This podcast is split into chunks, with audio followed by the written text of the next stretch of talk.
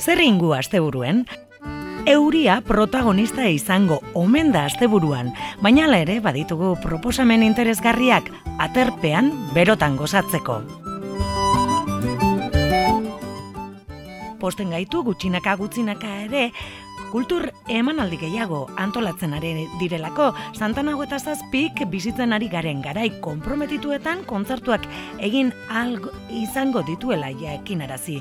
Du, eta ezarritako protokoloak bete beharko dira. Lanean jarri eta lehenengo kontzertua gaur bertan izango da. Ostiralez, Lukiek eta Marban taldeak arituko dira. Aurrek urtean Lukiek taldeak disko berria aurkeztu zigun, hemen guri kontatutakoa gaur Santana eta Zazpin ikusteko aukera izango du.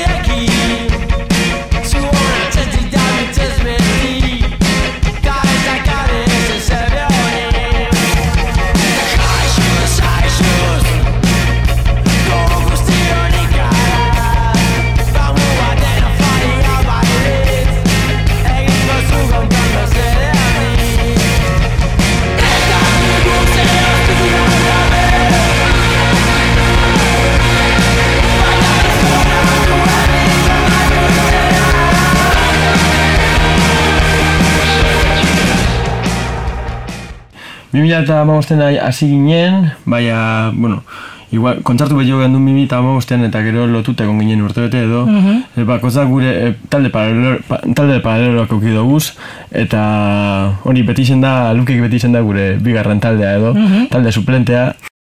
Bai, bai, bai, bai, mhm. bai. Bai, bai, bai, e, asko ikisi du urte honetan, nik uste zuzenean, edo zein talde gaz, uh asko ikisten dela, e, bueno, taldea, taldeak hobeto sonatzen dugu edo asko joten da zunean elkarregaz.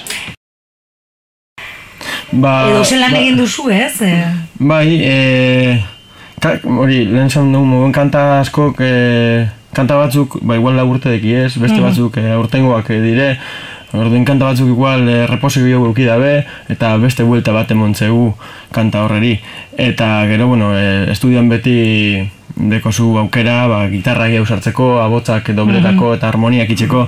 Orduan badauz, e, asko berizten dugu zuzenekoa eta estudioko Esango gendu, magia. aian e, estudiokoa landuagoa dela, ez? Gehiago Bai. jolastu duzulako, irukotean grabatu duzue?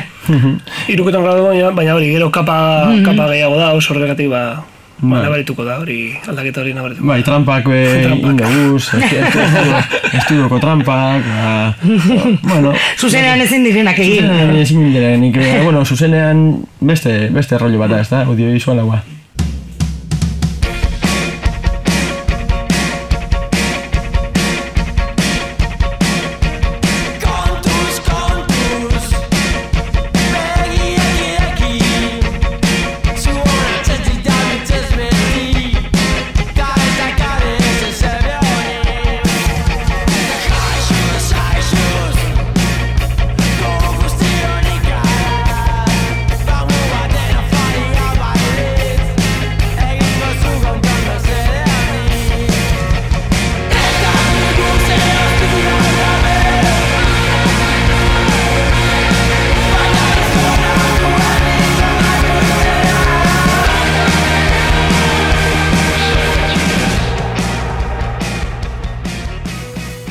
Goienan loratzen da lelopean, bihartik aurrera eta urriaren hogeta arte luzatuko da udazkeneko loraldia jaialdia.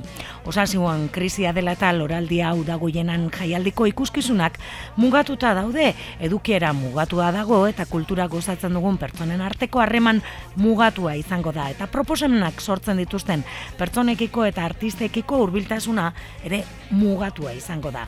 Baina loraldia udagoienak gaurko sasoiko likidoi erantzun nahi diei Eta hori dela eta berrikuntza berriete, berriekin dator.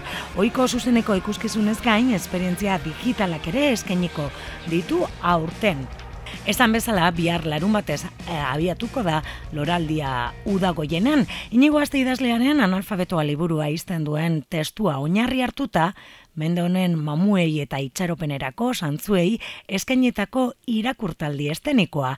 Eskainiko du Inigo Astizderak eta Mikel Aierbek hogeita bat, iraiaren hogeta zeian. Hau da, bihar izango da itxas museonen. Inigo Astiz. Bueno, ba, adibidez, publikoak ezagutzen duela, ba, eta ez dakit, hain ziur, jende batek irakurri du hori bai, baina adibidez, emanaldiak ematen dio aukera irakurri ez duen jendeari, esateko ba, irakurri zuenean asko gehiago gustatu zitzaiola zuzenean ikusi, bai, ikusi zuenean baino, hori da bentajetako bat. Eta bestela ba, aldatzen da, ba, oso bitxia da, baina poema bat irakurtzen duzunean zuk etxean bakarka, etxean edo, bueno, autobusean edo non, baina bakarka, e, zuk irakurleak e, jartzen dio tonua eta tempoa poemari. Eta aldiz, e, poema emanaldi batean, pixka bat, e, irakurlearen e, diktadurapean bizi da ikuslea, hau da, poema aldatzen da, ze nik inposatzen dut nire irakurketa esan dezagun, eta irakurketa pertsonalean, irakurle bakoitzak jasotzen duen poema da pertsonalagoa esan dezagun, eta aldiz emanaldian egiterakoan ba, jasotzen du nik egiten dudan poema horren irakurketa, ez? E, idazleak esaten du hemen tonu hau da nagusi, beste hartan beste tonu hura da nagusi, eta hori da aldatzen den adibidez irakurketari dagokionez. Gero, ba, emanaldia, ba, eman, zuzeneko emanaldi bat da, eta beraz ba, poema bat e, testu tintaduna izatetik zuzeneko emanaldira izatera pasatzeko salto hortan ba, ba aldatzen da, e, ja, jasotzeko modua oso diferentea da.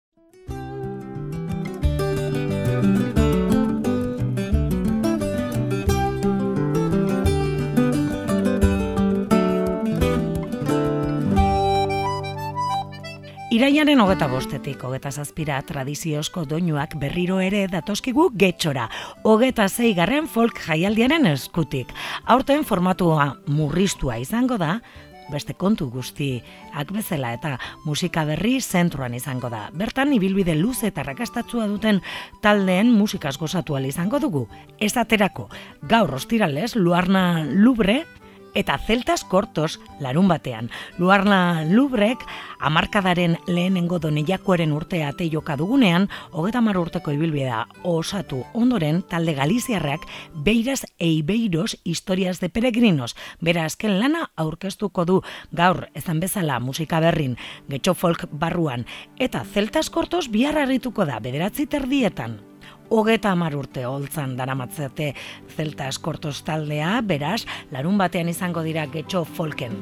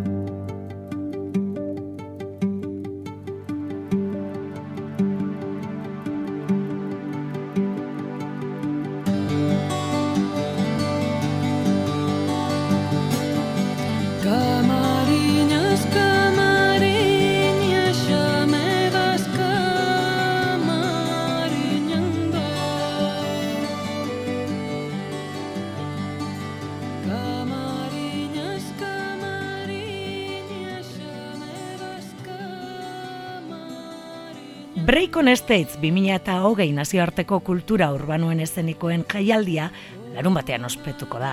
Atzeratu ostean badatorra utengo itzordua. Aurtengo jaialdiak lau ardatz dizu, ditu nazioarteko breakdance lehiaketa, Eskoter eta BMX lehiaketa izen handiko rider, riderrak parte hartuko dutu, eh, dute eta dantza urbanoen lehiaketa. Bos ikusle inguru biltzen duen jaialdi honetan kultura urbanoaren espezialitatean hitzak eta ere taularatuko dira. Gune ezberdinetan Bilbauarenan izango da 2008ko Break on States jaialdia larun batean.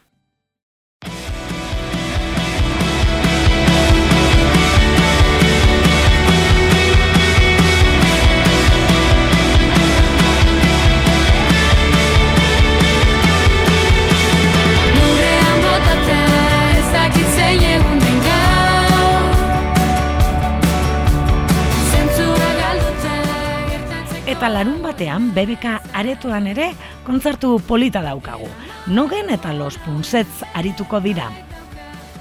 Arratzaldeko sortziretan nogen taldearen ibilbide laburra ez da inorentzat oarkabean heldu.